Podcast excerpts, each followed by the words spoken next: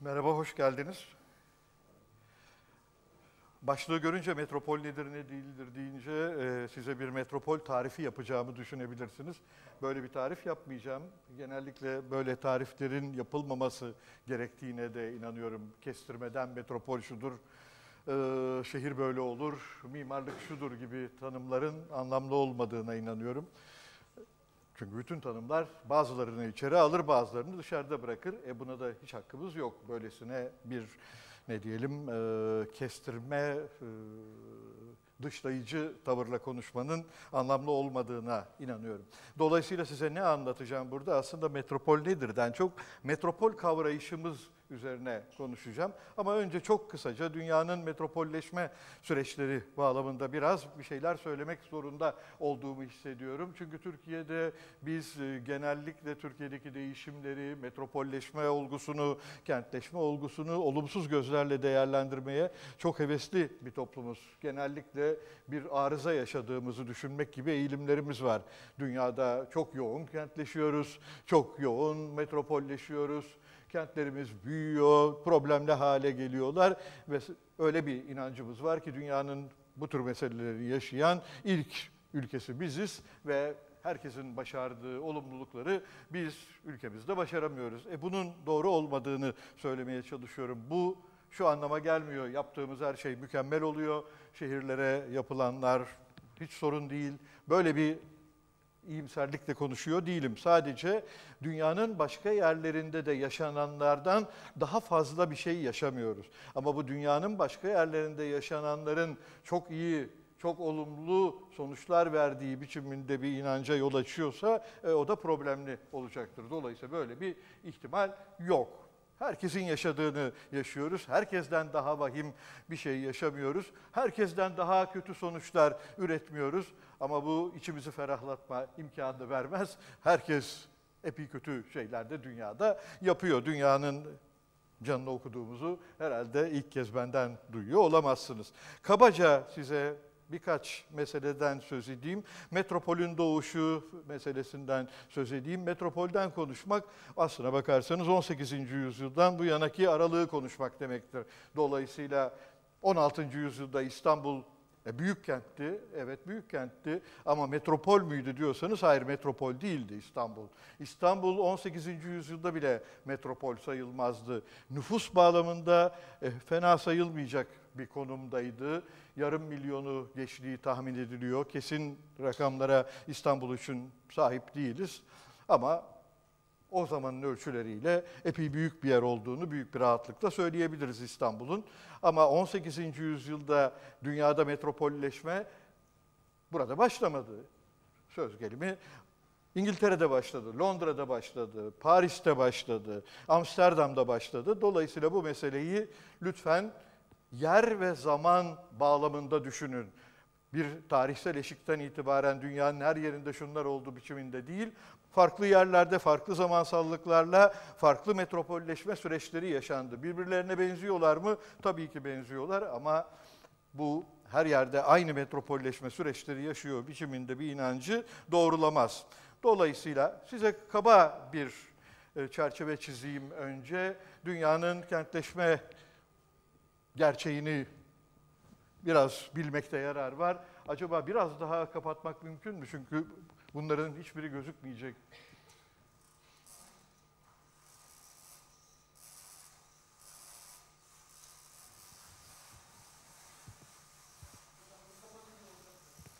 Hepsini kapatabilsek çok daha iyi olacak.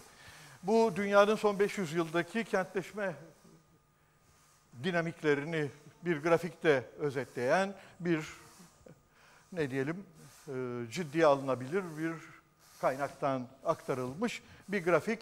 Burada 1500 yılıyla 2016 yılı arasındaki durumu görüyorsunuz. 1500 yılı civarında dünyada söz gelimi Çin'in diyelim ki e, nüfusunun yaklaşık olarak yüzde burası 10'sa yüzde altısı gibi bir miktarının kentsel alanda yaşadığını görüyoruz. Hindistan için 3 aşağı 5 yukarı aynı. Amerika Birleşik Devletleri için çok daha neredeyse küçük bir oran 1500'de. Çünkü 1500 yılında Amerika Birleşik Devletleri'nin yer bulunduğu topraklarda zaten kent yoktu. Dolayısıyla orada sıfırdan başlıyor. Ama dikkat ederseniz 1500 yılında dünyadaki durum hiçbir yerde %5'ten 6'dan daha yüksek bir kentleşme oranı yok. Osmanlı için bu oranı biliyor muyuz? Bir ölçüde Osmanlı için de biliyoruz. Osmanlı'nın da nüfusunun yaklaşık %5'inin ancak kentte yaşadığını diyelim ki kanuni çağında söylersek çok da yanlış bir şey söylemiş olmayız. Böyle bir dünyadan dikkat ederseniz Epey sabit. Neredeyse 1800'e kadar dünyada kentleşmenin oranları sabit. 1800'den başlayarak 2016'ya kadar gelinen noktaya bakarsanız söz gelimi Japonya'daki durum %85 hatta %90 kentleşme olarak biçimleniyor. Yani kırsal kesimde yaşayanlar toplumun sadece yüzde beşini oluşturuyorlar. Bu bir kere kentleşmenin nasıl değiştiğine işaret ediyor. Türkiye'nin yerine diye soruyorsanız çok kabaca söyleyeyim yüzde 82 ile 85 arasında bir değerle karakterize oluyor Türkiye'nin bugünkü kentleşme oranları. Ama bunun kuşkuyla karşılayın. Çünkü Türkiye'deki yasal düzenleme bunu yapıyor. Yasal düzenleme şu, büyük kentler yasası gerçekleştirildi. Dolayısıyla Mardin bir büyük kent. Mardin'in bütün köyleri Mardin metropoliten alanının içinde kaldılar. Ama Mardin hiç tereddüdünüz olmasın ki yüzde ellisi bile kentsel alanda yaşıyor dersek e, yanlış olur. Mardin böyle bir yer değil. E, bu tarafa doğru geldiğiniz zaman bu İstanbul için bile doğru değil. Yani İstanbul'un bile bazı yerleri hala kırsal nitelik taşıyor. Dolayısıyla Türkiye hala köylülüğün epeyce bir rol oynadığı bir yer ama yine de buradaki oranlara benzeyen bir süreçte tırmandığını, geldiği noktada Amerika Birleşik Devletleri'ne benzediğini diyelim ki rahatça söyleyebiliriz. Avrupa'daki değerlere benziyor mu? Benziyor ama biraz revize edin Türkiye'deki yasal tuhaflıkların bir sonucu. Başka bir örnek durumu kavramak açısından, dünyanın geldiği yeri kavramak açısından. Burada ülkenin en büyük e, ne diyelim kentinin nüfusun ne kadarına tekabül ettiğine ilişkin bir harita bu. Yani diyelim ki İstanbul Türkiye'nin en büyük kenti. Türkiye nüfusunun yaklaşık olarak şuradaki rengi burada bakarsanız 21 ile 26'sı kadar bir bölümü dörtte biriyle dörtte birinden biraz azı İstanbul'da yaşıyor. Bu şu nedenle gösteriyorum, dünyanın aynı zamanda da metropolleşme olgusu yaşanıyor. Kentleşmenin yanı sıra bir de metropolleşme yaşıyoruz. Kentleşme, kentsel alanda yaşayanların sayısının artışı anlamına geliyor. Bu başka bir değer. Kentsel alanda yaşayanların ne kadarı metropollerde yaşıyor sorusunu sorduğunuz zaman buna vereceğiniz başka bir cevap doğal olarak. İşte böyle bakarsanız dünya tuhaf da gözüküyor. Söz gelimi bütün Afrika'ya bakın. Durum bizdekinden çok daha belirgin bir biçimde. Ama şuna işaret ediyor. Afrika gibi gelişmemiş yerlerde karşımıza çıkan durum şu. Ülkenin kentsel nüfusu çok ağırlıklı biçimde kentsel alanda homojen yayılmıyor. Aslında büyük kentler içinde toplanmak gibi bir özelliği var. Söz gelimi Amerika Birleşik Devletleri'ne bakarsanız en büyük kenti neresi? New York. Sadece yüzde 16'sı kadarı New York'ta yaşıyormuş Amerika Birleşik Devletleri nüfusunun. Bu Türkiye'ye baktığınız zaman ve çok farklı bir değer. Portekiz'e baktığınız zaman e, Portekiz'in neredeyse nüfusunun yarısından fazlası Lizbon'da yaşıyor. Bu metropolleşme sürecinin dünyanın her yerinde aynı nüfus değerleriyle ve aynı yapısal özelliklerle biçimlenmediğini gösteriyor.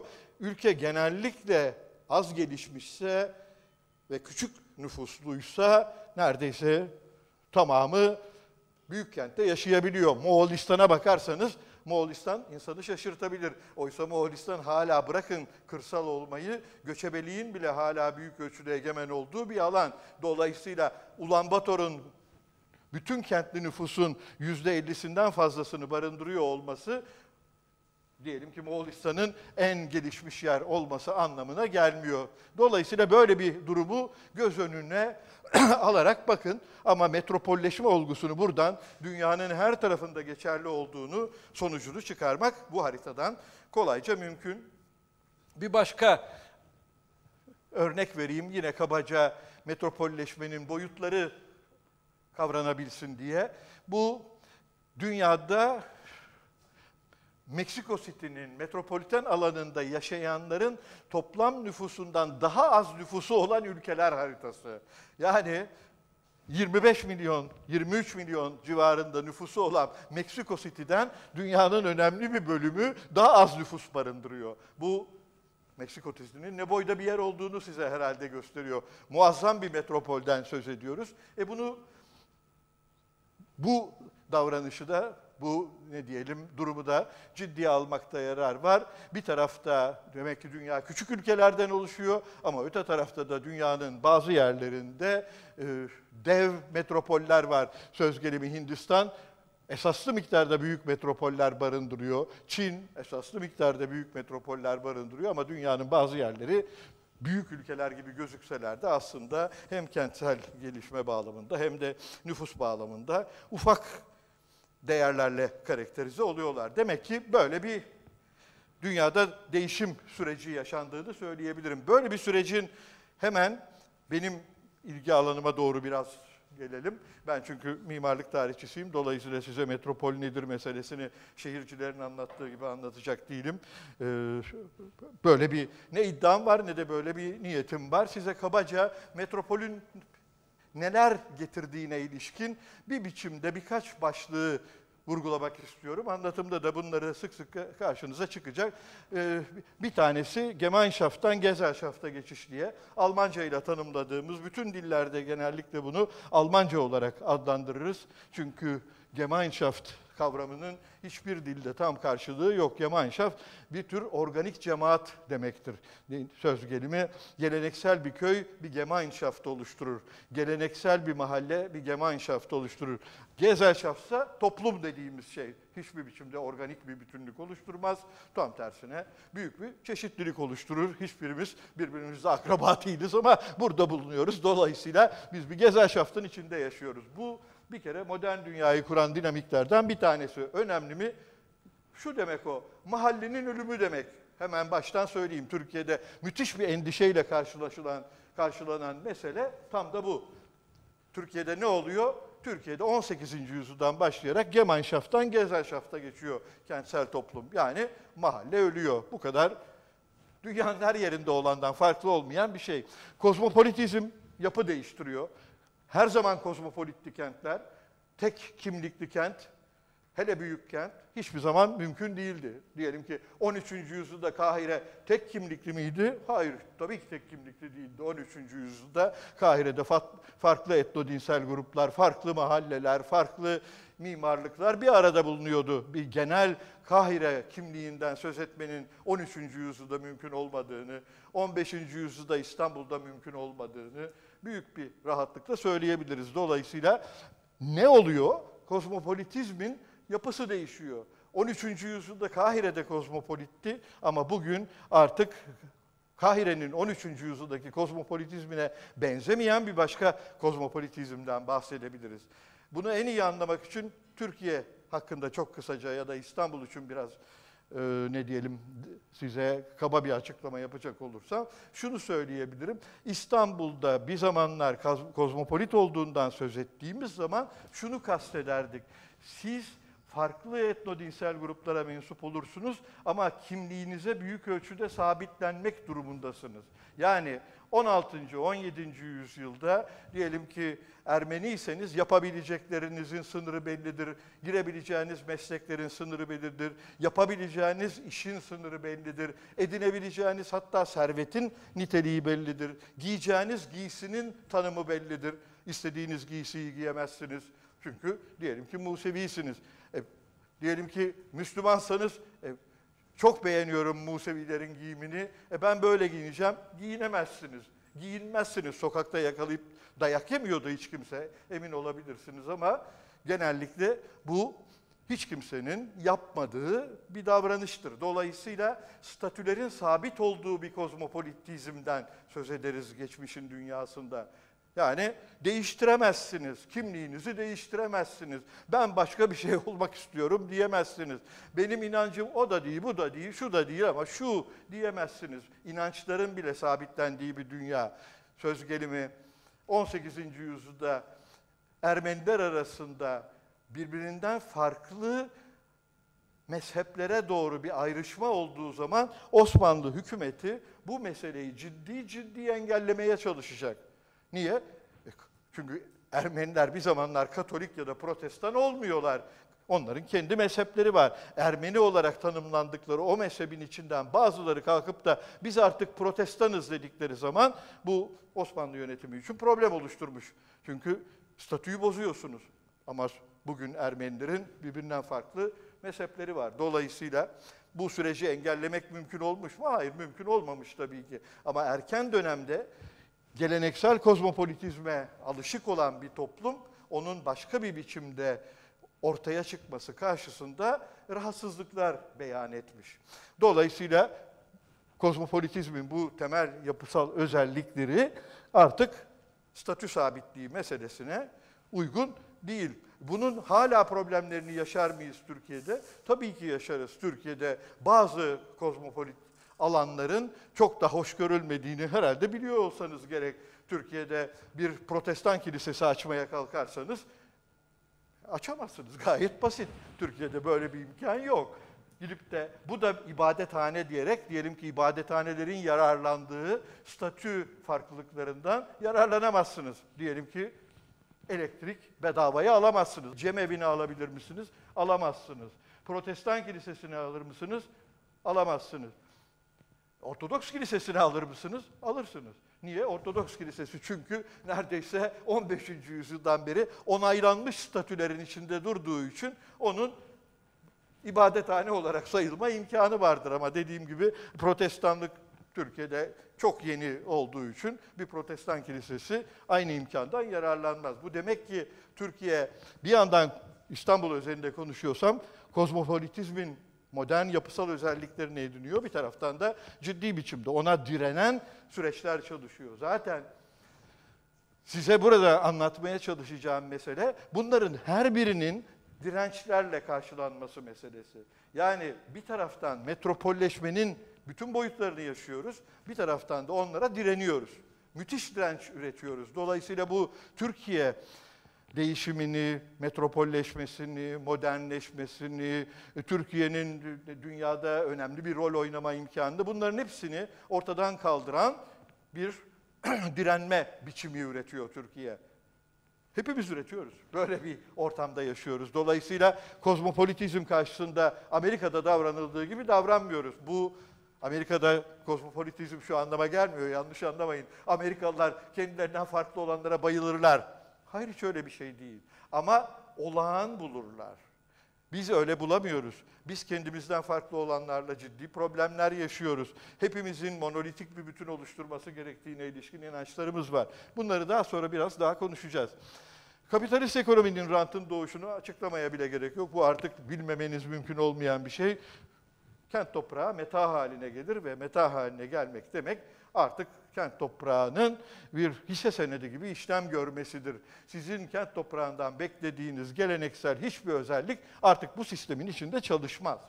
Böyle bir dünyada artık rantın egemen olması demek sizin elinizdeki toprağın e, söz gelimi kimliğinden söz etmek için, hafızasından söz etmek için imkanınız olmadığı demektir. Ama biz Türkiye'de bunu da bütün güzel şeyleri bir arada istediğimiz gibi isteriz. Ne demek bütün güzel şeyleri? Hem hepimiz kapitalist ekonomiden kar etmek isteriz. Hem hepimiz diyelim ki ranttan kar etmek isteriz. Ne demek o rant?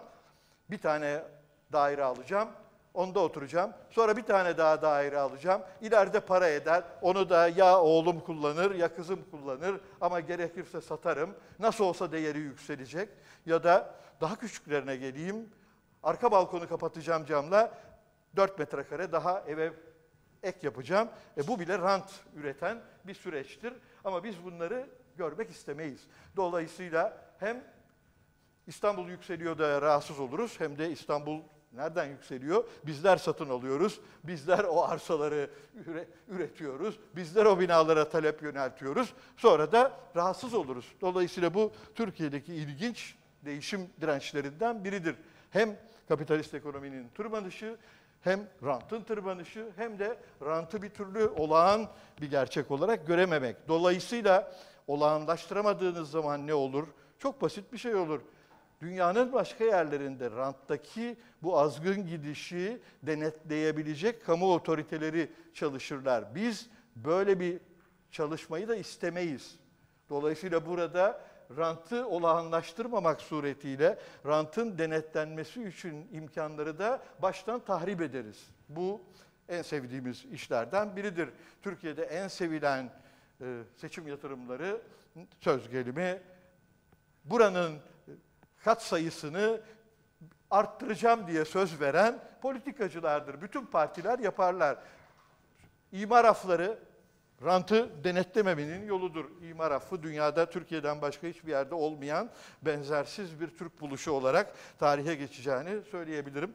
Dolayısıyla bunların hepsi hem kapitalist ekonominin içinde bulunmak hem rantın doğuşunu yaşamak hem hiçbir şekilde denetlememek ama her seferinde de ne kadar kötü oldu kentimiz demek tipik bir direnme biçimi oluşturur. Bir başka mesele bireyselliğin doğuşu, bireysellik hepimizin bir zamanlara ait olduğu toplumsal grup gibi düşünme halimizden bireysel olarak toplumsal grubumuzdan özerkleşerek düşünmek demek. Kapitalist dünyada karşımıza çıkar, metropoliten dünyada karşımıza çıkar, modern dünyada karşımıza çıkar. Dolayısıyla artık bir grubun üyesiyim diye konuşma imkanını tahrip eden bir değişim. Bu yine önemli problemlerden biri. Bir başkası Türkiye'de çok sık unuttuğumuz bir şey. Metropoliten ortamda namusun yerine ahlak geçer. Namus hepinizin bildiği gibi başka bir şey. Ahlak başka bir şey. Ahlak soyut bir şey. Namus doğrudan doğruya kurallarla tanımlı bir şey. Ama modern dünya ve metropoliten dünya namusu tahrip eder. Namus artık sayısız dinde namus diye bir zaten kelime bile yok. Namus Türkçe'de var.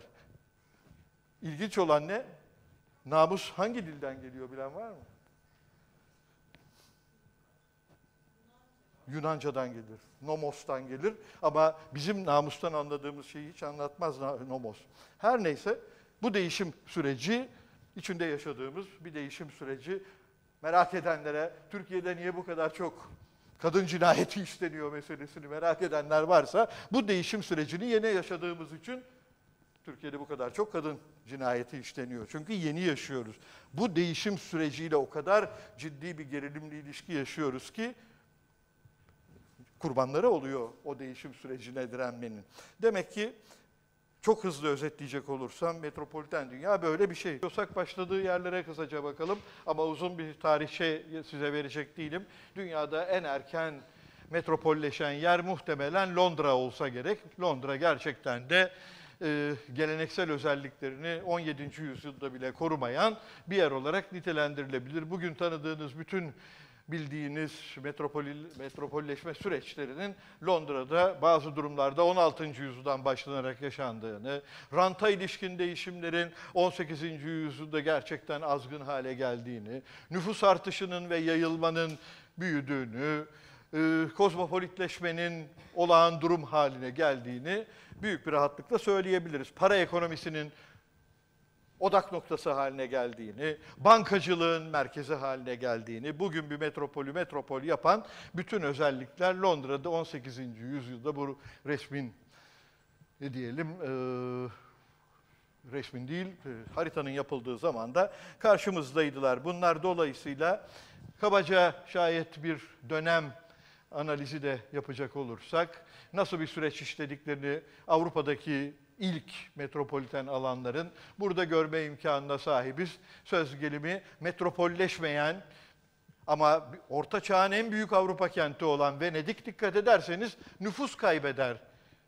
dikkat ediyorsunuz 1530'lar gibi bir tarihte çıktığı nüfus miktarını 1750'de artık neredeyse sabit bir değere indirgemiştir ve bugün bundan da daha düşük bir nüfusla karakterize oluyor söz gelimi Venedik. Dolayısıyla metropol haline gelmediğini kestirebiliriz. Napoli ilginç bir biçimde bayağı büyük bir nüfustan giderek düşer ve bugün dünyanın en büyük metropollerinden biri değil ama metropol. Diyelim ki ama Londra'ya bakarsanız, Paris'e bakarsanız onların uçup gittiğini görürsünüz. Londra hepsini sollar geçer ve dünyadaki ilk büyük metropol haline gelir. 1750 gibi bir tarihte burada gördüğünüz yaklaşık olarak 600 bini geçmiş bir nüfusla karakterize oluyor. Dolayısıyla müthiş bir büyüme yaşadığını. Buradan çıkarabileceğiniz sonuç İstanbul'a ilişkin değerleri bu arada kent tarihçileri için bu geçerli bir şey. İstanbul'a ilişkin değerleri revize etmek gerekir. Şayet Londra 1750'de 600 binin üstünde bir nüfusla karakterize oluyorsa 1750'de İstanbul aynı büyüklükte hiçbir şekilde olamaz. Çok daha küçük olmak zorundadır. Çünkü ne Londra kadar büyük uluslararası bir ticaret o da ne Londra kadar önemli bir ne diyelim finans merkezi böyle bir şansı yok. Ama burada yer almayan Tokyo'yu merak edenleriniz varsa son yapılan hesaplamalara göre 18. yüzyılın ortalarında dünyanın en büyük kenti olduğunu biliyoruz artık. Londra'dan daha büyük. Dolayısıyla bugün de zaten dünyanın en kalabalık metropolü Tokyo. Dünyadaki üç tane küresel kentten bir tanesi Tokyo, diğeri New York, diğeri Londra. Dolayısıyla kabaca dünyadaki metropolleşme trendleri hakkında bir ölçüde de fikriniz olması için böyle bir nüfus çizelgesi görmekte de yarar var. Bizi ilgilendiren tarafı bu metropoliten yaşamın ürettikleri. Ben size şehircilikle ilgili olan meselelerden söz etmek yerine aslında neleri değiştirdiğini size anlatmaya çalışıyorum. Yani toplumsal olarak neleri değiştiriyor? Sadece nüfus artıyor, herkesin gelir düzeyi yükseliyor, gelir eşitsizlikleri tırmanıyor gibi meseleler, rantın tırmanıyor gibi meseleler. Bunlar evet hiç kuşkusuz metropolitenleşme ile ilgili meseleler ama buradaki gördüğünüz toplumsal davranış örüntülerinin değişmesi, ciddi biçimde statülerin yıkılması, sabit değerlerin ortadan kalkması denebilecek meseleleri görüyorsunuz. Bu zamanında çok satılmış, bugün de çok sevilen, çok şey, yayınlanan Hogarth'ın Rake's Progress adını taşıyan gravür dizisidir. Bu gravür dizisi serserinin ilerlemesi ya da serserinin e, hayat öyküsü diye çevirebileceğiniz ünlü dizisi bu. Serseri bir adam, aslında adamcağız serseri değil, ailesinden miras kalır, metropolde Londra'ya gelir ve Londra'da yaşadıklarını buradan okuyabilirsiniz. İlk önce üstünü başını değiştirir, giysiler yaptırır, terzilere gider, her türlü lükse alışır, kadınlarla ilişki kurmaya başlar, olmadık yerlerde ilişkiler kurar. Aklınıza her şey gelir, en sonunda da Bedlam akıl hastanesine atarlar ve süreç biter. Dolayısıyla metropol yaşamının insanı nasıl biçimlendiği, biçimlediğine ilişkin 18. yüzyılda İngiltere'de yapılmış çok ilginç bir resim dizisi görüyorsunuz. Bu ilginç bir biçimde gerçekten de metropoliten yaşamın farkına varan, onun değişimlerinin adını koymaya başlayan ilk toplumla karşılaştığınıza işaret ediyor. İlginç olanı size bir yanlışlık yapmamak için onu da baştan söyleyeyim. Biraz sonra ondan da söz edeceğim. İstanbul bu bağlamda erken bir değişim odağıdır ve 18. yüzyıl içinde ciddi biçimde İstanbul'da benzer tepkiler karşılaşıyoruz. Ama dikkat edin burada ahlakçı tepkiler yok. İstanbul'dakiler ahlakçı tepkiler olur. Yani burada bu adamın hayatı sonunda akıl hastanesine düşer. Bir öncesinde borçluk yüzünden hapishaneye düşer. Ama dikkat edin Hogarth size bakın gördünüz mü ne kadar kötü oldu vah vah vah dedirtmez.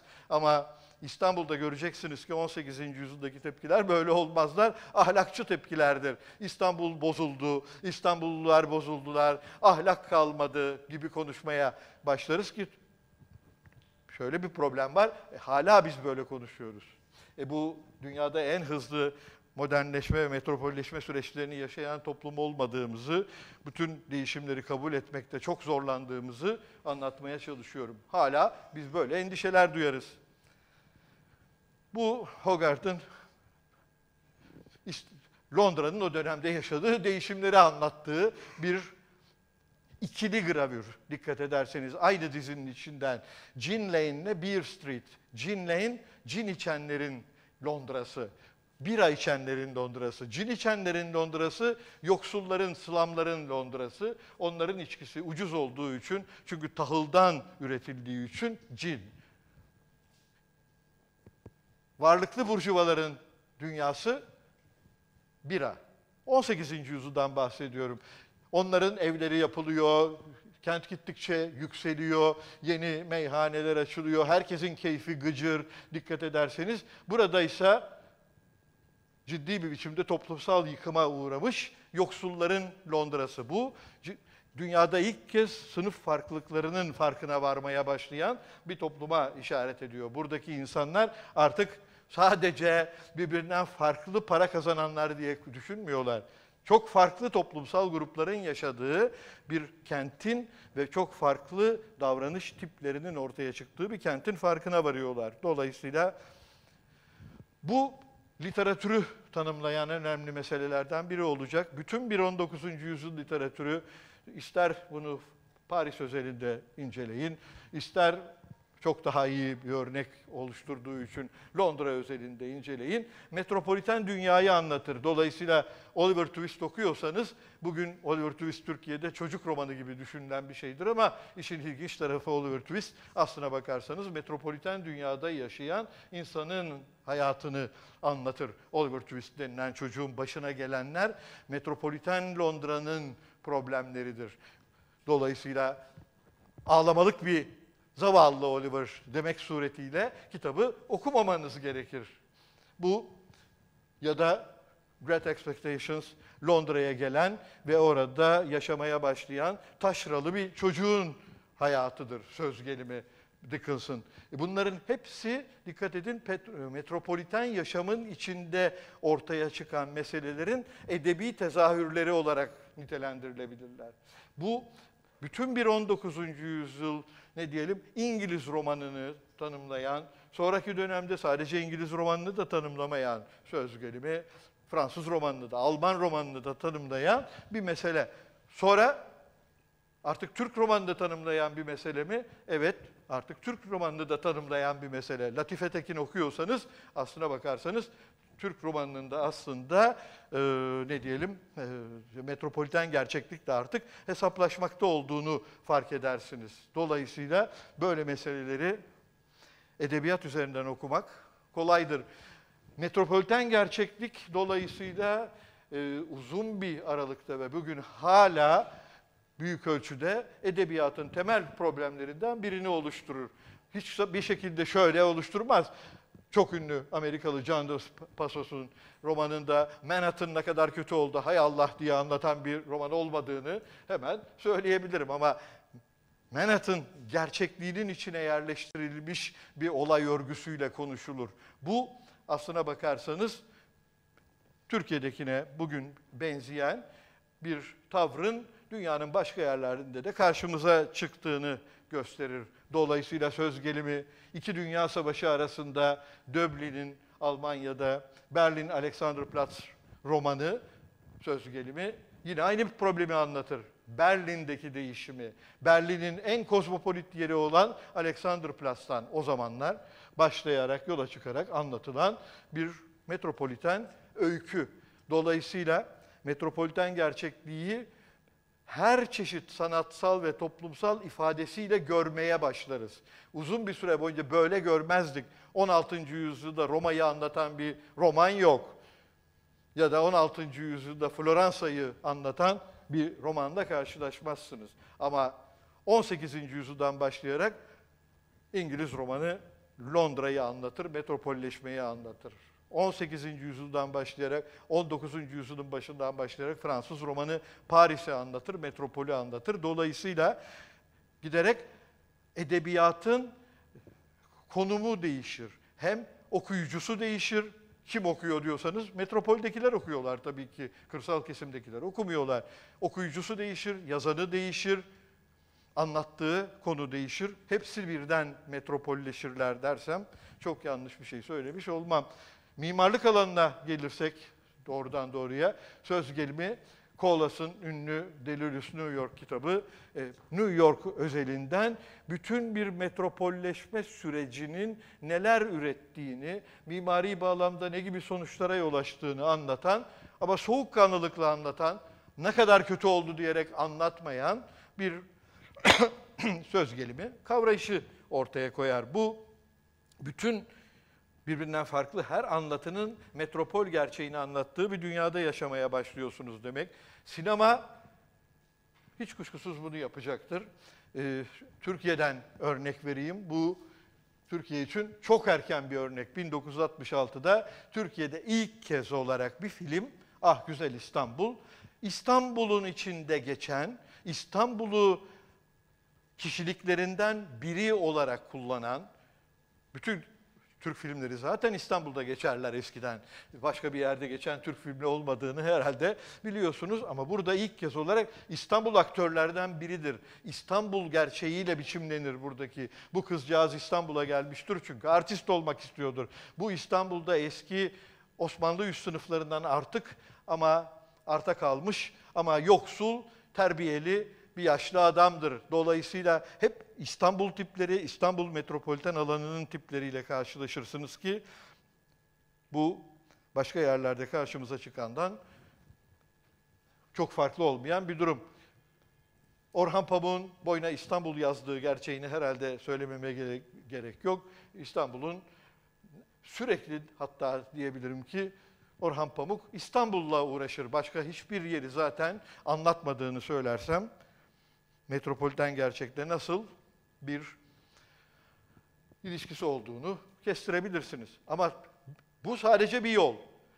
Bu metropolü olağanlaştırma yoluydu. Dolayısıyla Dublin'e baktığınız zaman ne yapacağız bu Berlin ne hale geldi filan demediğini göreceksiniz. Ya da Great Expectations'ta Dickens kalkıp da bakın Londra insanları nasıl öğütüyor, keşke yeniden kırsal kesime dönsek demiyor. Ama 1830'lardan başlayarak bir de metropol eleştirisi başlayacak. Türkiye'de ancak 1900 belki de 80'lerden başlayan bir süreç olarak düşünebilirsiniz. Dolayısıyla Türkiye bu alanda hiç erkenci bir örnek sayılmaz metropoliten gerçekliği eleştirmekte. Amerika Birleşik Devletleri bir öncü rol oynar hiç tereddüdümüz olmasın. Çünkü dünyanın en ne diyelim metropoliten toplumu, hiç premodern geçmişi olmayan bir ülke Amerika Birleşik Devletleri. Dünyada her ülkenin bir premodern geçmişi var. Yani modern öncesi dünyadan başlayan. Ama Amerika Birleşik Devletleri'nin sadece modern bir geçmişi var. 18. yüzyılda bile modern bir toplum. Dolayısıyla metropoliten gerçeklikte en sert karşılaşmalar ve en ilginç, en radikal karşı çıkışlar Amerika'da çıkar. Türkiye'de hemen hiç bilmediğimiz Toro söz gelimi tipik bir metropoliten hayat eleştirmenidir. Hatta toplumu bile reddeder. Tek başına söz gelimi kendisine Massachusetts taşrasında bir küçük kulübe yapar. Tek odalı bir kulübe. Tek başına kulübenin içinde yaşar aslında entelektüel bir adam. Tek başına orada yaşamasının şeyle hiçbir ilgisi yok tahmin edebileceğiniz gibi. Yoksulluktan ötürü gidip de dağlarda bir şey kurup avcılıkla geçineyim falan demez. Ama bununla bağlantılı olarak Walden adını taşıyan da burada geçirdiği günlerin bir hikayesini de yazacaktır. Kulübesi bugün bir tür ziyaretgah, yeniden inşa edilmiş bir kulübe boyutlarının küçüklüğü herhalde dikkatinizi çekiyor olmalı. Kitap da burada gördüğünüz kitap. Bu metropoliten dünyanın getirdiklerine radikal bir karşı çıkış. Başka bir dünya tahayyülü olmalıdır. Metropol yaşamı hepimizi bozuyor diyerek konuşan ilk radikal insan. Ama aynı zamanda bu sadece metropolle problemi olan bir adam değil. Her tür kapitalist toplum problemiyle problemli ilişkisi olan bir adamdan bahsediyorum. Söz gelimi ben 1830'lardan bahsediyorum. Ben kölenin, köleliğin egemen olduğu bir ülkede vergi vermem der. Hapse girer. Pasif bir direniş. Dolayısıyla dünyadaki ilk aktivist Toro. Dünyadaki ilk pasif e, direnç meselesini gündeme taşıyan, vergi vermeyerek, kentte yaşamayarak, hapse mi girmek gerekiyor? Evet hapse girerim. 6 ay hapiste geçiririm ama yine de vergimi vermem. Böyle bir devlete ben vergi vermiyorum diyen bir adamdan söz ediyoruz. Radikalizminin boyutlarını lütfen görün. Türkiye'de böyle bir radikalizmle karşılaşmadığınızı herhalde fark edeceksiniz. Bunun sosyalizm üzerinden karşımıza çıkan biçimi, söz gelimi İngiltere'de işçi sınıflarının durumu adını taşıyan Engels'in ünlü kitabının Marksist literatürün ne diyelim erken örneklerinden birini ve bir ülkedeki metropoliten yaşama koşullarını sınıfsal düzen üzerinden anlatan ilk metin. Dolayısıyla bunun edebi uzanımı da var, siyasal uzanımı da var, pasif aktivizmi de var. Hepsinin olduğunu söyleyebilirim. Dolayısıyla karikatür, resim bunu sürekli olarak gündeme taşıyacaktır. Bu Kral Kolera'nın sarayı adını taşıyan bir Londra e, karikatürü. Yoksulların Londra'da yaşama koşullarını anlatan ve dolayısıyla onun da bir biçimde toplumun geri kalanını yüzleştirmek isteyen bir davranış bu. Fotoğraf sanatı bunu çok uzun bir süre boyunca kullanacak. Dolayısıyla kentsel gerçekliği fotoğraflamak diyebileceğimiz kabaca 19. yüzyılın sonundan başlayan bir güzergah var. Yani bu bir New York fotoğrafları dizisinden görüyorsunuz. Bunlar gerçek. Çocuklar burada oynuyorlar. Ölmüş bir at burada duruyor. Böyle istatistikler var aynı döneme ilişkin. Diyelim ki 1905 yılında belediye New York sokaklarındaki ölmüş hayvanları toplamaya başlıyor. İstatistiğini yapmışlar. Değerleri atmayayım ama atıyorum 15 bin tane at, 25 bin tane köpek gibi değerler var o dönemin New York'u için. E bunun nasıl bir tepki ürettiğini, bu resimlerin de tahmin edebileceğiniz gibi bir tür eleştiri amaçlı üretildiğini söylemek mümkün. Bunun öteki ucunda metropoliten gerçekliği anlamaya yönelik, neden böyle oluyor biçiminde anlamaya yönelik bir başka güzergahtan söz etmek mümkün. İki öncüden söz etmek mümkün. Bir tanesi Baudelaire, ötekisi bir Alman Walter Benjamin. Dolayısıyla bunlar farklı biçimlerde olmak koşuluyla metropoliten gerçekliği ve metropoliten insanı okumayı denerler. Baudelaire ünlü elem çiçeklerinde karşımıza çıkan işte Paris sıkıntısı gibi metinlerde karşımıza çıkan Paris insanının sokakta var olma halini anlatır. Artık ideal bir insanı değil, sokakta yaşayan insanı, metropollü tipi anlamaya çalışan kişilerle karşı karşıyayız. Sonra sosyal bilimlerin çok önemli bir problemi ya da ilgi alanı olacak flanör denilen tipi ilk kez gündeme taşıyan kişi Baudelaire. Sonraki dönemde çeşitli metropoliten gerçeklikleri bu arada flanörü de dahil olmak üzere bizim sosyal bilimler menzilimizin içine alan Walter Benjamin. Bunlar Baudelaire 1860'lardan başlıyor. Benjamin 1900'lerin herhalde 1910'ların sonundan başlıyor karakterine, e, ne diyelim kariyerine. Söz gelimi flanörün kavranışı. Flanör kentsel aylak demek. Muhtemelen sosyal bilim kökenli olan arkadaşlar varsa zaten biliyorlardır. Burada ona ilişkin erken literatürden bir Fransız kitabı gösteriyorum. Aynı dönemde hala kullanmaya devam ettiğimiz temel metinler üretilecektir.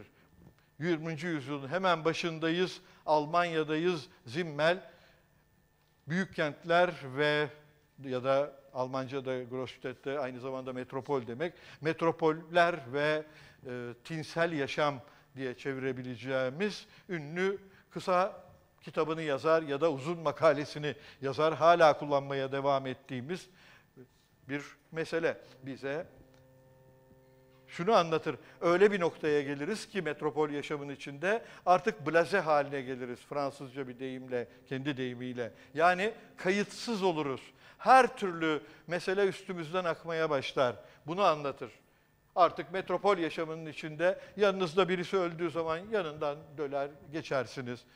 Hiçbir şey sizi rahatsız etmemeye başlar. O kadar çok uyaran vardır, o kadar çok değişim vardır ki artık onları okumazsınız. Söz gelimi bunun üzerine koca bir literatür üretilecek. Ama başlangıcı Zimmel'in burada gördüğünüz, yeni baskısını kuşkusuz gördüğünüz makalesi. 1900'den başlayan bir başka güzergah metropolün güzelliğinden bahsetmek. Bu pek tanımadığımız bir güzergah. Biz çünkü metropolün güzelliğinden bahsetmeyiz. Biz eski İstanbul'un güzelliğinden bahsederiz. Bu içinde yaşadığınız şimdi ve buradan güzelliğinden bahsetme hali. Bunu yine ilginç bir biçimde Almanya'da karşımıza çıkar. Almanya dolayısıyla 100 yılın başında, 20. yüzyılın başında dünyada bu tür tartışmaların en yoğun yapıldığı, en ciddi tepkilerin verildiği, ilginç ve şaşırtıcı olan Türkiye'dekine benzeyen tepkilerin verildiği bir yerdir. Söz kelime August Endel'in bu Metropolün Güzelliği adlı küçük kitabı şöyle anlatır. Şimdi ve burada olmaktan rahatsız olanlardan söz ediyorum der. Çünkü Alman toplumunun, metropoliten toplumun önemli bir bölümü de şimdi ve burada yani metropolde olmaktan rahatsızlık duymaktadır. Dolayısıyla Endel hiç de rahatsızlık duymanıza gerek yok. Yepyeni imkanlar taşıyan bir dünyada yaşıyorsunuz der. Yepyeni bir estetik artık üretmek zorundasınız. Eski estetik çalışmaz der. Resim sanatında söz gelimi metro, e, empresyonistlerin üretim biçimiyle metropoliten gerçekliğin kavranışı arasında bir bağlantı olduğunu size anlatmaya başlar. Bunların hepsi yepyeni bir dünyayı anlatır. Amerika Birleşik Devletleri metropol güzellemeleri yapacaktır. Söz gelimi Met Geleceğin Metropolisi kitabından görseller gösteriyorum. Büyümenin, yükselmenin, dev yapılarla dolmanın hiç de kötü olmadığını anlatan bir başka güzergah Yine Hükferis'ten bir başka resim. 1930'lardan bahsediyorum. 1949'a geldiğiniz zaman yeni bir güzergah karşınıza çıkar. Türkiye'de yine tanımadığınız bir güzergah. La Banlieue de Paris bir e, Paris banliyöleri kitabı ama Paris varoşları kitabı. Paris'in çevresindeki yoksul mahalleleri ve oranın insanlarını sempatiyle resimleyen ve anlatan tarihteki ilk kitap oradaki insanları size sempatiyle anlatır. Onun için nefretle anlatmaz. Bunlar kente geldiler, kentimizi bozdular demez. Bu Türkiye'de çok sevilen e, eleştiri güzergahları. Dolayısıyla 1949 bu erken bir örnek olarak nitelen görseller. Sizin beğenmediğiniz Paris güzel bir yer diye anlatır. Dolayısıyla Paris'in çevresindeki garibanların yaşadığı yerler, çamurlu sokaklar gibi meseleler. Buna karşılık bir başka güzergah, metropol korkusunun disiplin arayışına yol açması. Dolayısıyla 1920'lerden başlayan böyle bir güzergah da var. Dikkat ederseniz sayısız birbirinden farklı tepkilerle karşılaşıyorsunuz metropoliten dünyada. Bir tane tepki falan yok. Metropolden nefret edenler, düzeltmek isteyenler, disipline etmek isteyenler, anlamak isteyenler, sempatiyle yaklaşanlar, metropolün söz gelimi Endel'e sorarsanız metropolün gürültüsü güzel bir şeydir. Modern müzik böyle olmalıdır der. O noktadan yola çıkarak 20. yüzyılın başında müzik bile değişecek. Modern müzik artık Beethoven'ın müziği değil, başka bir müziğe doğru evrilecek. Ama dikkat edin metropolün gürültüsü bile hiç de o kadar kötü filan değil. Ondan da artık yararlanmalıyız diyen biri. Bu disiplin arayışıysa kenti planlamak. Le Corbusier öyle bir örnek. En katı disiplin önerilerinden biri. Yeni bir kent yapalım. Her şey mükemmel, disiplinli olsun. Herkesin yeri belli olsun. Gelir düzeyine göre belli olsun. Araba trafiğiyle ilişkisi belli olsun. Doğayla ilişkisi belli olsun. Bütün binalar aynı biçimde olsun. Hiçbir disiplini bozucu eleman olmasın. Bu dikkat ederseniz metropoliten gerçeklikte bir başka karşılaşma biçimi. Yine Le Corbusier'in ünlü kitabı artık Türkçesi de var. Katedraller Beyazken kitabı bu.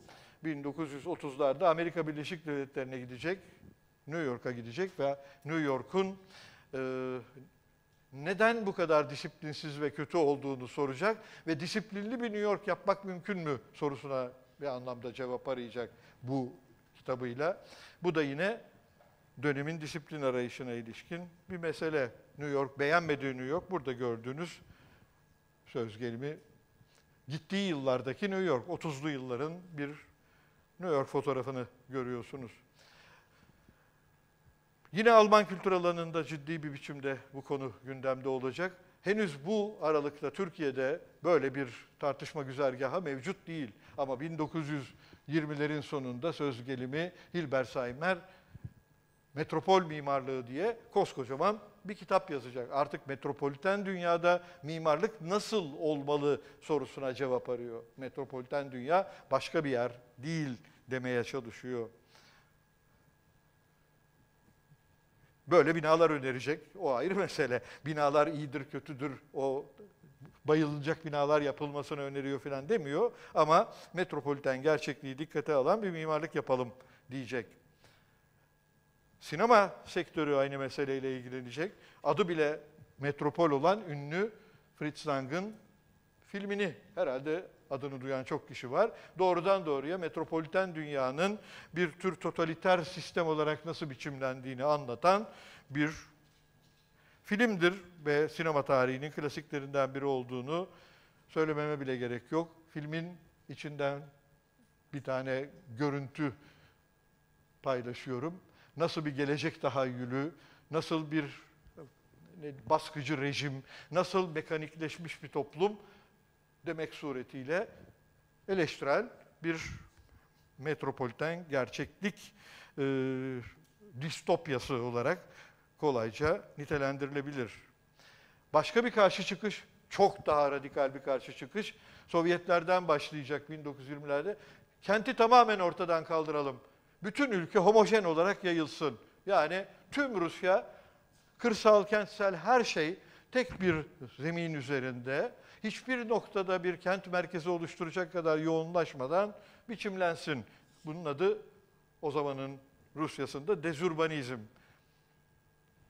En ünlü savunucusu Milyutin bunu anlatacak. Nasıl sosyalist kent artık kent olmamalıdır diye anlatacak söz gelimi. Tamamen herkesin doğanın içinde yaşayacağı, orada çalışacağı, hiçbir noktada demin de söylediğim gibi yoğunlaşma olmayan bir dünya kitabın içindeki görsellerden biri. Sadece ulaşım eksenleri üzerinde biçimlenmiş, dolayısıyla sınırı da mevcut olmayan, her yere uzanabilen bir kentsel öneri. Denenecek de bir ölçüde. Ama tabii ki gerçekleşmeyecek söz gelimi. Böyle başka örnekler de var. Böyle tuhaf adlar taşıyan, komünizm gezegeninin kızıl kenti gibi adı olan bir öneri. Yine aynı şekilde dezurbanist bir öneri. Hiçbir noktada merkezi falan yok. Şöyle diyecekler, merkeze artık ne gerek var ki? Rant yok. Sistemden rantı attık. Rant olmadığına göre belli bir yerde yoğunlaşmamıza gerek yok. E artık ulaştırma araçları, haberleşme araçları elimizde çok gelişmiş durumda. Hepimizin bir noktada yoğunlaşması da gerekmiyor. Her yere haberleşmeyle ulaşabiliriz. Her yere iletişim kanallarını uzatabiliriz. Dolayısıyla neden kent gibi modası geçmiş, metropol gibi modası geçmiş bir şey yapalım? Bu metropoliten nefretin uç örneğini oluşturacak. Böyle Magnitogorsk gibi denendiği yerler de var.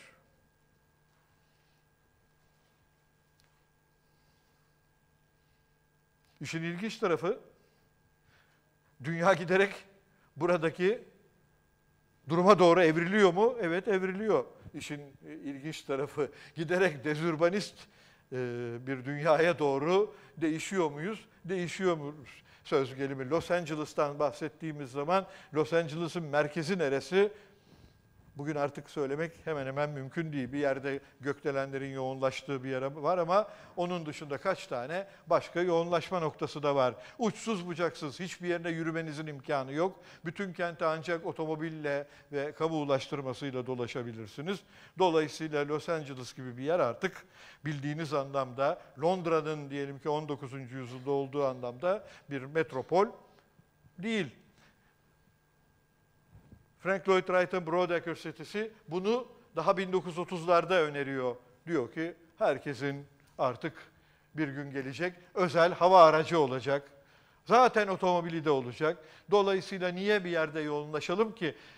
Tarlanın yanında alışveriş merkezi, e, ne diyelim e, evin yanında e, pekala şalgam tarlası böyle bir dünya mümkün diyecek ve 1930'larda buna ilişkin bir proje geliştirecek. E bunun da büyük ölçüde dünyanın bazı yerlerinde artık gerçek haline geldiğini söylemek mümkün gibi gözüküyor. Metropol nefretinin çeşitli biçimleri var. Liberal formları var, totaliter formları var. Dolayısıyla burada onları da görmekte yarar var. Sağda ve solda liberal olmayan formlarını görelim. Söz gelimi Hitler'in ünlü Mein Kampf'ı, Kavgam adlı kitabı. Kitabın önemli bir bölümü kentin ne kadar kötü bir şey olduğunu anlatır. Türkçe çevirilerde var mı o bölüm bilmiyorum ama kitap büyük ölçüde kent merkezi der. Zaten Musevilerin yoğunlaştığı, ondan kar ettiği berbat bir yerdir. Dolayısıyla böyle olmamalıdır diyen ve bir anlamda metropoliten gerçekliği yok etmeyi öneren bir kitap söz gelimi. Dolayısıyla Alman nazizminin içinde sürekli kırsal alan, kırsal yaşam kutsanacak, sürekli övülecek. Burada gördüğünüz gibi Artık Almanya'da elinde orakla dolaşan bir tane insan kalmamışken dikkat edin 1930'larda elinde orakla bir köylü kadın, gürbüz bir köylü kadın. Niye? Çünkü kentsel yaşam kötü bir şey ama kırsal yaşam sağlıklı, insani, ahlaklı, Almanlığın bozulmadığı, saf Almanlığın bulunabileceği bir yer. Bunlar dönemin propaganda posterleri. Dönemin sanat yapıtları, bu bir Alman köylü ailesi. Bunun üzerine koskoca bir literatür ortaya çıkacak. Almanlığın en saf biçimi nerededir? E, köydedir ve kırsal yaşamdadır. Metropoliten ortamda değil. Karşı uca gidelim. Çin, Komünist Çin'de 1970'lerde kültür devrimi yine metropolü ortadan kaldırmaya yönelik ciddi bir çaba olarak karşımıza çıkar. Ee, dönemin milyonlarca insan kentlerden zorla boşaltılıp kırsal alana gönderildi. Bu sizin kuşağınızın muhtemelen hiç bilmediği bir mesele. milyonlarca diyelim ki Pekin'de yaşıyorsunuz, üniversiteye gidiyorsunuz. O gün geliyorlar üniversiteye, kızıl muhafızlar, sizin gibi gençler. Hadi arkadaşlar bırakın okulu, hocayı da bırakın, o da gelsin bizimle beraber. Hep beraber kırsal alanda yaşamaya gideceğiz. Böyle milyonlarca insan burada gördüğünüz gibi kırsal alana gidecek. Bunlar üniversite öğrencileri. Kanal kazıyorlar kırsal alanda. Çünkü metropoliten yaşamın tahrip edilmesi lazım. Bu metropol korkusunun en uç örneklerinden biri. Türkiye'ye gelelim. Türkiye'de çeşitli tezahürleri var. Hızlıca artık bitireyim size uzatmayayım. Yoksa bayılacaksınız. Ee, metropol korkusu Türkiye'de 18. yüzyıldan başlar. Nereden başlar? Ee, Türkiye'deki 18. yüzyıl İstanbul halk hikayelerinden başlar. Bu hikayelerden bir tanesi Hançerli Hanım hikayeyi garibesi adını taşıyor. Onun 19. yüzyılda yapılmış bir e, resimli nüshasından size bir sayfa gösteriyorum. Hançerli Hanım'ı muhtemelen adını bilmiyor olabilirsiniz ama e, aynı konu yüzlerce kez filme çekilmiş bir konudur Türkiye'de. Hançerli Hanım hikayesi ne demek? E, Türk sinemasının en sevdiği konulardan bir tanesi. Kötü kadın e, masum bir oğlanı e, baştan çıkaran ve onu parasına el koyan, sonunda parasını sömürdükten sonra hançeri, o hançerli hanım olması tesadüfi değil, hançerini çıkarıp öldürten, öl, öl, bizzat öldüren, sonra da hizmetçilerine verip saray burnundan denize attıran bir kadın. Bu formu herhalde 1960'lardan başlayan sayısız Türk filminde kötü kadın motifini gördünüz. Kötü kadın burada metropoliten gerçeklik, metropoliten gerçekliğin kadın formunda tarif edildiği bir ülkeye geldiniz. Kadın yoldan çıkmaktadır. Çünkü metropoliten ortamda kadın özgürleşmektedir. İstediğini yapmaya başlar 18. yüzyılda. 18. yüzyıl İstanbul için gerçek bir dönüm noktası. Kadının modern kimliği oluşmaya başlıyor. E tepkiler de oluşuyor. Dolayısıyla burada gördüğünüz gibi işte kötü kadınlar tarafından yoldan çıkarılan insanlar merkezli suç hikayeleri ortaya çıkar. Bunlar onlarca hikaye. Onlarca böyle suç hikayesi var. Hırsızlık yapan kadınlar, insanları soyup sovana çevirenler. Aynı şekilde karşı ucu da var. Ee, evli kadını baştan çıkarıp onunla evlenen erkekler. Bugün bile bunlara alışık değilsiniz. 18. yüzyılda çok yaygın bir hikaye formatı bu. Kocasından ayırıp kadınla evlenme. Bugün bile İstanbul halkının önemli bir bölümü bundan irkilecektir muhtemelen. Ama 18. yüzyılda böyle hikayeler var. Bunlar metropol korkusuna 18. yüzyılda başlayan çok hızlı değişime, direnme motifleri. Bu gölgelerinin uzunluğuna da dikkat edin. Gölgeleri ne kadar uzun? Çünkü 1960'larda bile böyle filmler çevriliyordu bu ülkede. Kötü kadınlar vardı. Hatta standart kötü kadınlar vardı. O kadıncağız hep standart kötü kadını oynardı Türk filminde. Nerede diye onu gördüğümüz zaman anlıyoruz ki o kötü. Başka hani olur ha yanılırız, iyi falan zannederiz. Böyle bir dünya. Bu size bir şey söylüyor olmalı. 18. yüzyıldan 1960'lara kadar yaklaşık demek ki size 260 yıl boyunca sürmüş bir süreçten bahsediyorum. Bu çok yavaş değişen bir metropoliten toplum demek. Korkuları bitip tükenmek bilmiyor. Hala korkuyor. 2021. yüzyıla geldik. Hala metropolden korkuyor bu toplum.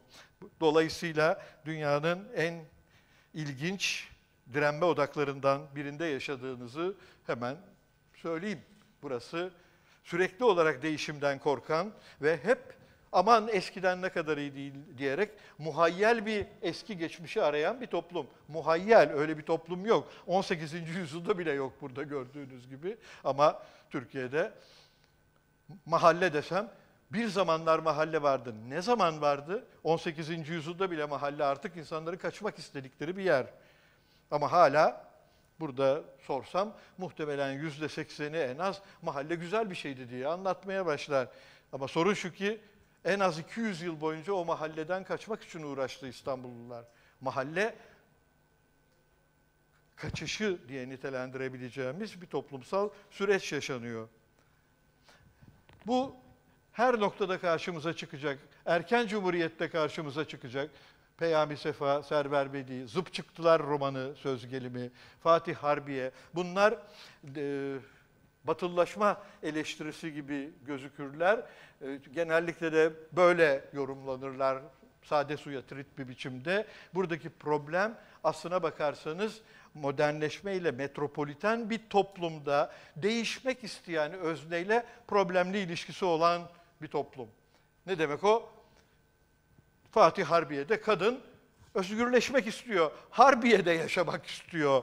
İstediği gibi insanlarla konuşabilmek istiyor. İstediği zaman tramvaya binebilmek istiyor. Ama toplumsal eleştirinin nasıl olduğunu biliyorsunuz. Çok kötü bir şey yapıyor. Olmadığı bir şeye dönüşmek istiyor. Sorun şu ki modernleşme bu demek. Olmadığınız bir şeye dönüşme, talebinizin kendisi modern bir talep. Başka bir şey olma talebi. Olduğunuzdan farklı bir şey olma talebi. Olmadığınız gibi devam etmeme talebi. Dikkat edin, Türk romancılığında bayağı belirgin bir janr bu. Sevilen bir janr. Hala başka bir şey olmak istiyor çünkü kadın. E başka bir şey olmaktan doğal demin de söylediğim gibi başka bir şey olmak. O güne kadar kendinizi tanımladığınız şeyden başka bir şey olmak istediğiniz zaman modern insan oluyorsunuz. Ola geldiğiniz şeyi olmakta devam etmenin modernlik olmadığını söyleyebiliriz. Ola geldiğiniz şeyi zaten olmakta devam edersiniz. İstemiyorsanız tramvaya binmeyin ve Harbiye'ye gitmeyin. Ama sorun şu, Harbiye'ye gidenle problemli ilişkiniz varsa bu modernleşme direnci. Aynı zamanda metropolleşme direnci. Türkiye'de çok güçlü bir direnç. Zıp çıktılar da böyle bir roman. Bu sürekli karşımıza çıkacak. Cingöz Recai'de söz gelimi, Cingöz Recai'nin tanımladığı e, suç ortamında, tekinsizlik problemlerinde, karşımıza çıkan polisiye olaylarda, polisiye olayların roman haline getirilmesinde, hepsinde metropol korkusuyla bağlantılı durumlar görürüz. Bunları uzatmayayım. Çünkü bunların her biri üzerinde konuşmak için e, birkaç tane e, konferans daha dinlemeniz gerekebilir ki Allah korusun. Metropoliten gerçekliğin inkarı Türkiye'de çok uzun bir geçmişi var. Erken Cumhuriyet'ten başlar ama söz gelimi Türkiye'de ilk köy kentten bahsedildiği zaman hatırlayın bir zaman hatırlayamazsınız tabii ki sizin kuşağınızın hatırlaması mümkün değil. Hatırlamayın, okuyun. Bu köy kent meselesi tam da budur. Köylüler kente gelmesinler, metropollerimizi doldurmasınlar. Ne yapsınlar? kırsal alanda yaşamaya devam etsinler. Biz onlara servis götürürüz. Bu metropoliten değişim korkusu. Çalışır mı? Tabii ki çalışmaz. Böyle bir şey olabilir mi? Çalışıyor olsaydı zaten köylüler hiçbir şekilde buraya gelmeyeceklerdi. Şurada soracak olsam içinizde muhtemelen yüzde onunuzun bile üç kuşak kentlilik geçmişi olamaz. Herkesin sonunda ailesinin taş çatlasın üç kuşak sonrası ki Türkiye'de muhtemelen burada iki kuşak bile değildir. Köy kırsal alana çıkar. Gelmesin demek ne demek? Hiçbiriniz burada olmayaydınız demek bu. Bu itiraz mı var yoksa? Gelebilir. Hiçbir mahsuru yok.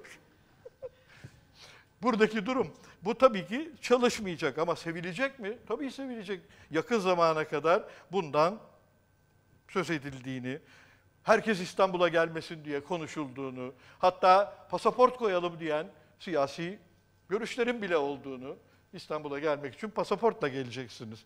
Evet 15. yüzyılda öyleydi. Ankara'dan yola çıkıyorsunuz, İstanbul'a gelemiyorsunuz. Kadıya gidip önce bir tane yerel pasaport çıkartmanız gerekiyordu. Ama artık böyle çalışmadığını herhalde biliyorsunuz. Pasaport kullanılmış olsaydı herhalde Yine tekrarlayayım buradakiler herhalde beni dinleyemeyecekler ve mutlu olacaklardı.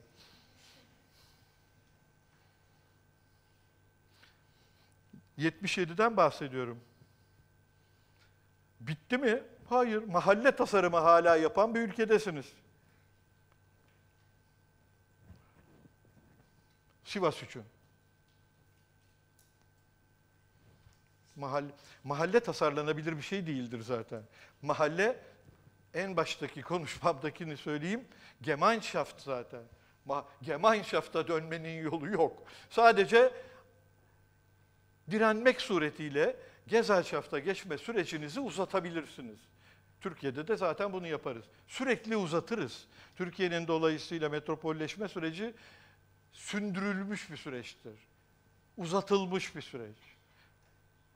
Sanki dünyanın en kentli yeriymişiz gibi endişe duyulan bir süreç.